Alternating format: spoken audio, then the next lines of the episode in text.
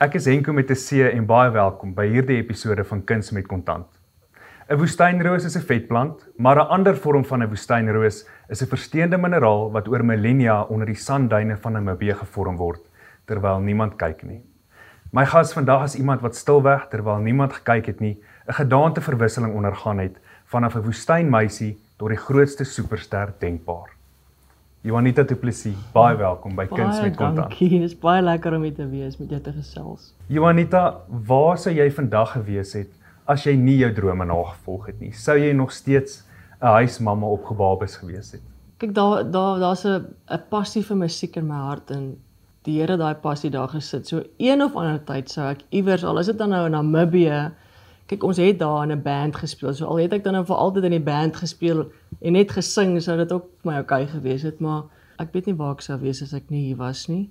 Probably in in Namibia nog steeds en iewers besig met musiek. Sal jy my deur daai jare vat toe jy vir 4 jaar lank 'n sekretaresse was en toe is jy huismamma met 3 kinders in die huis. Ja. En kort daarna het jy toe 'n uh, platekontrak gekry by 'n Namibiese platemaatskappy. Ja. Ja. Hoe het daai jare gewerk? Ek's baie nuuskierig om te hoor. Ek het ehm um, ja, ek was 'n sekretaresse gewees by 'n vervoermaatskappy vir 4 jaar. Ek het toe al 'n hele paar liedjies in my my kussie gehad wat ek net so wat niemand nog ooit gehoor het nie. Ek het dit maar so self gesit en produce. My man Doopie het in 'n in 'n orkes gespeel. So hy het 'n keyboard gehad wat jy kon programmeer. So ek het baie van die goedjies gesit ek programmeer en my wysies en my my woordjies bygesing en groot drome gehad op daai stadium vir vir die toekoms. En ehm um, toe was daar 'n 'n kompetisie op op een van die radiostasies in Namibië, 'n liedjie skrywer kompetisie. Van my vriende sê toe vir my, "Maar skryf jou liedjies in." En ek tog toe, "Ag nee man, dis stupid liedjies. Dit ek weet nie of dit regtig mense daarvan gaan hou nie." Langs toe rekord, ek het toe nou maar 3 van die liedjies ingeskryf in die kompetisie. En op die einde van die dag het al drie liedjies onder die top 10 geëindig. Hmm. En ehm um, weet toe ek geweet u iets wat dalk is ietsie wat die mense van hou. Dalk dalk is daar iets wat ek mee weet verder kan gaan. Ek dink die aand met die met die prysuitdeling van die liedjie kompetisie want dit was nogal 'n groot ding. Dit was meer aan die aan die country music side want Namibia was op daai stadium baie country musiek byeenkomste gehad. En op die aand van die prysuitdeling toe ehm um, iemand van 'n platenmaatskappy na my weer na my toe kom stap en gesê, "Hier's my kaartjie, bel my." En ek was soos baie chuffed. Ek gedink, "Da, ja. jo, kan jy dit glo?" Ja. En ja, dit was op die einde van die dag het ek um toe 'n platekontrak by hulle gekry. Ek het toe nou al my liedjies op vir hulle gegee om om jy weet nou te kies wat gaan opwees en uh die ek het net twee Afrikaanse liedjies gehad en hulle het dit toe al twee afgegooi gesê nee, die album moet net Engels wees um, want Afrikaanse musiek verkoop nie. Daar's nie 'n mark vir Afrikaanse musiek nie. So dit ek die Engelse album uitgebring en ons het hom actually hier in Johannesburg kom opneem want ek was toe nou, jy weet, as jy daar sit dan hou jy al die dinge in Suid-Afrika dop. So jy weet wie's die goeie producer en wie werk op die beste albums en jy hou van die van die klank van die album. So ek het toe net hulle gevra kan ek asseblief die album in Johannesburg kom opneem. Daai tyd was dit uh, Kevin Kruger was die producer. My man Doopie het um so in my geglo daai tyd waarvoor ek baie bly was want ek het nie altyd saam met hom gestem nie. Mense is mos nou maar onseker werk dit of werk dit nie, gaan die mense daarvan hou en jy's mos nou maar net in Namibië. So ek het eintlik maar gedink, jy weet, dis 'n studie wat ek kan verkoop as ons band speel oral optree in, in Namibië. Uit borge gaan soek en jy weet van ons goeie vriende en kosbare mense het toe nou geld gegee. Elkeen het 'n liedjie gesponsor op die album.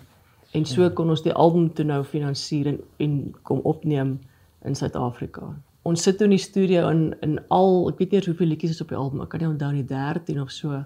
En al die liedjies is klaar opgeneem en dit klink mooi en ek's baie opgewonde. En ek sê toe vir my ek het hierdie een liedjie waaroor ek 'n baie goeie gevoel het. En hy sê toe maar speel vir my die liedjie en ek sing ek dink ek het die koor of iets vir hom gespeel en hy sê toe vir my daai sang moet op die album wees. Ja. En ehm um, toe sit ons hom op die album as 'n bonussnit.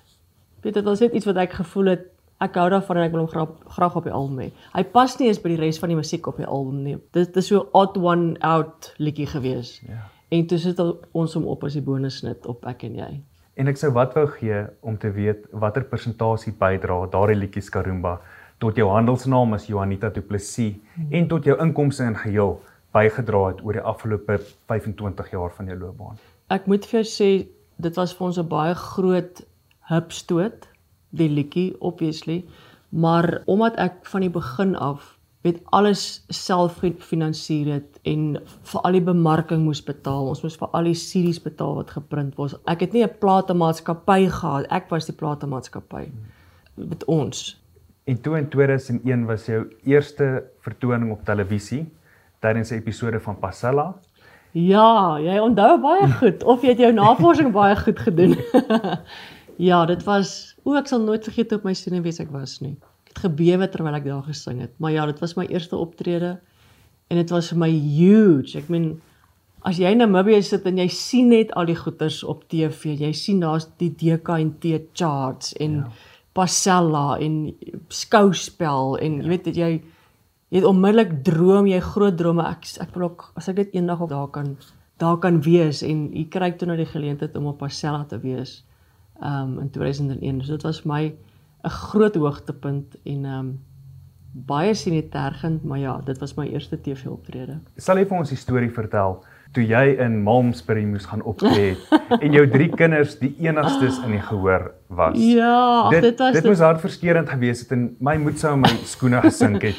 Hoe nee, gaan 'n ou aan na so iets? Weet jy, ehm um, dit was so so promosie toer wat ons gedoen het en ek dink nie uh, jy weet die mense het toe nog nog nie regtig dit was nou nog voordat Skorumba nou groot gebreek het. So ons moes die promosie toer doen en by shopping centers gaan sing en by markte en vloei markte gaan sing en ons het toe opgeëindig in Mamesbury vir 'n vertoning toe met ek 'n promo doen die oggend by die by die winkelsentrum. Jy weet Doopie daai tyd al my klank en goeters opgeslaan en afgeslaan en slaan alles op en ons staan daar en daar's regtig nie een mens wat eers daar verby stap en kyk of luister of ietsie maar toe begin ek nou maar sing maar my kinders was sulke groot fans van my gewees wat ja. hulle so klein was weet ma was net baie cool want sy sing nou en sy het ligte op haar stage so hulle was baie soft en hulle was regtig baie groot fans. So vir hulle was dit so lekker om net daar te gaan sit en hulle het geklaap en gesing en toe dink ek ag weet jy dan sing ek nou maar vir my drie kindertjies. Dit is ook nou maar dis maar okay. Ek dink dit het net 'n eh, mens laat besef ek dink sulke tipe goeters laat jou net die, die dag wanneer dit beter gaan waardeer jy dit net soveel meer maar ek sal nie sê my moed het gebreek nie ek het baie vuur en passie in my gehad daai dit ek het weet ek het geweet daar's 'n doel en daar's 'n rede hoekom ek hier is en 'n mens moet maar deur sulke goeters gaan ek dis normaal ek dink dit is normaal om baie keer in 'n saal te sing vir 5 of 10 mense en jy moet maar altyd jou beste gee. So ek het net ook my beste gegee. My ja. kinders het hulle hardste gecheer. Jy het jou handelsnaam Joanita Du Plessis uitgebrei deur mm. onder andere die JD skoonheidsprodukte en jou ja. parfuum uit te bring. Ja. Is dit iets wat jy gedoen het uit passie uit omdat jy lief is vir die tipe produkte of omdat jy graag vir die aanhangers iets anders wou gee van Joanita Du Plessis? Ek dink iets van beide kante. Ek ek het net gevoel ek wil my my brand, my naam net bietjie gebruik ook in 'n manier 'n ander manier as net musiek. Ehm um, ek meen want jy, jy jy is in daai voordelige posisie om dit te kan doen. So ek het ehm um, JD Beauty and Wellness heeltemal apart gaan stig sodat dit 'n brand is op sy nog steeds deel ek, maar dis 'n brand op sy eie wat wat fokus op ja, skoonheidsprodukte en ek het baie planne aan daai kant om nog dinge te doen. So ek het eintlik maar gedink ek wil my merch bietjie uitbrei en die eerste ding wat ek toe nou gedoen het is ek het my gunsteling parfuum uitgebring. Uh die die parfuum se naam is Vlieg Hoog. Vrouens was mal daaroor toe ons nou dit die reeks uitgebrei en soos hande room en seep en body wash en bath goeders en alles met die parfuum het ons toe uitgebring en dit baie goed gedoen. Ek was eintlik regtig baie verbaas.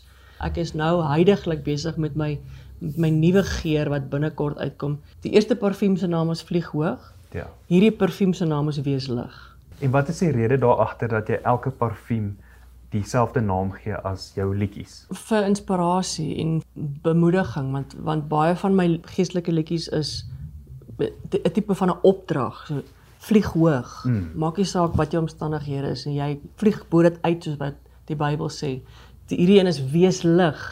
Wees 'n lig vir die wêreld, 'n donker wêreld rondom jou. So dis ook vir my belangrik om 'n 'n geestelike konnotasie daaraan te hê sodat ja, mense ook die vir die koninkryk uitbrei en bydra, sal ek eerder sê, bydra.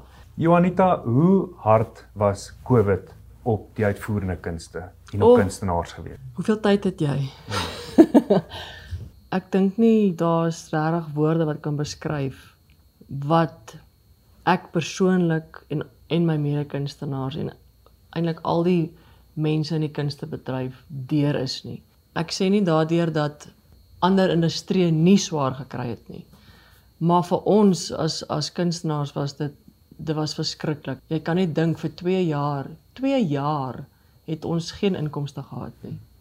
Jy maak met die jare jou reserves bymekaar en jy's daar is reserves, maar jy kom 2 jaar en jy kan geen geen inkomste hê vir 2 jaar nie. So dit het obviously die reserves alles uitgeput en ons was net op 'n verskriklike verskriklike plek. Ek kan nie eens dit vir jou begin verduidelik nie. Dit was dit was regtig baie erg. Wat sou jy sê vir 'n ma met 'n huis vol kinders wat dalk nou opgebabe sit en en hierdie drome het om in jou voetspore te volg?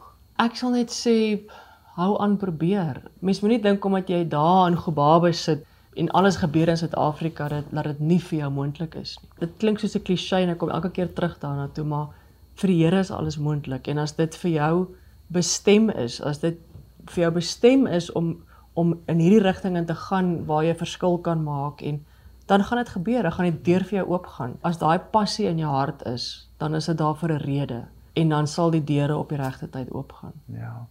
Baie dankie vir die reuse bydrae wat jy gelewer het tot die Afrikaanse musiekbedryf. Dit is 'n groot plesier. Dit is 'n reuse skatkis vir die res van ons. En mag jy altyd hoog vlieg en mag jy altyd daardie lig wees in Ach, ander mense se lewens. Ek waardeer dit. En dankie dat ek hier met julle kon gesels. Dit was 'n voorreg. Baie dankie Jonita.